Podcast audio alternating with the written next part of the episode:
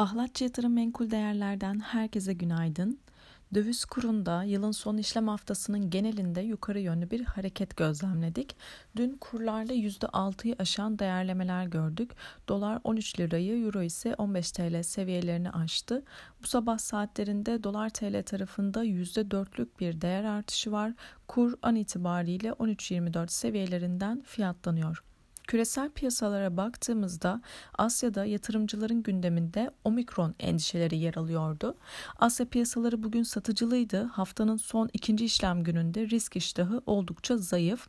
ABD vadelilerinde de sınırlı negatif bir seyir hakim.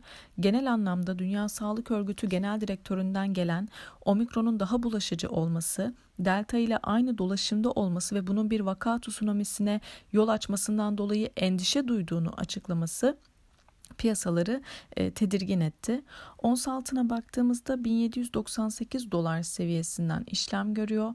1800 dolar seviyesi hep bahsettiğimiz psikolojik bir e, seviye. Bu seviyenin altındaki hareketlerde bir miktar daha geri çekilmelerin yaşanması mümkün. Dolayısıyla altında hala 1800 dolar seviyesi önemli bir direnç konumunda.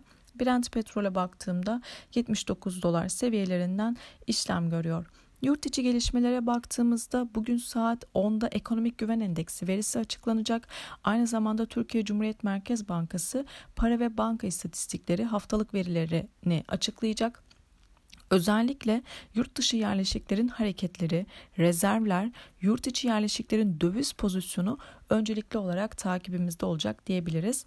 Borsa İstanbul'da dün kurdaki hareketle birlikte %2'yi aşan bir değer kazanımıyla günü kapatmıştı.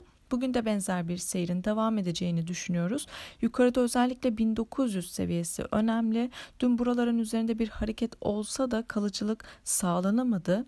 Bu seviyenin üzerinde kalıcılık olması tekrardan 2000'li seviyelerin gündeme gelmesine neden olabilir.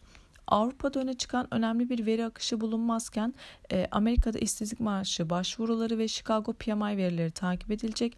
Aynı zamanda Biden ve Putin bir telefon görüşmesi gerçekleştirecekler. Herkese bol kazançlı güzel bir gün dilerim.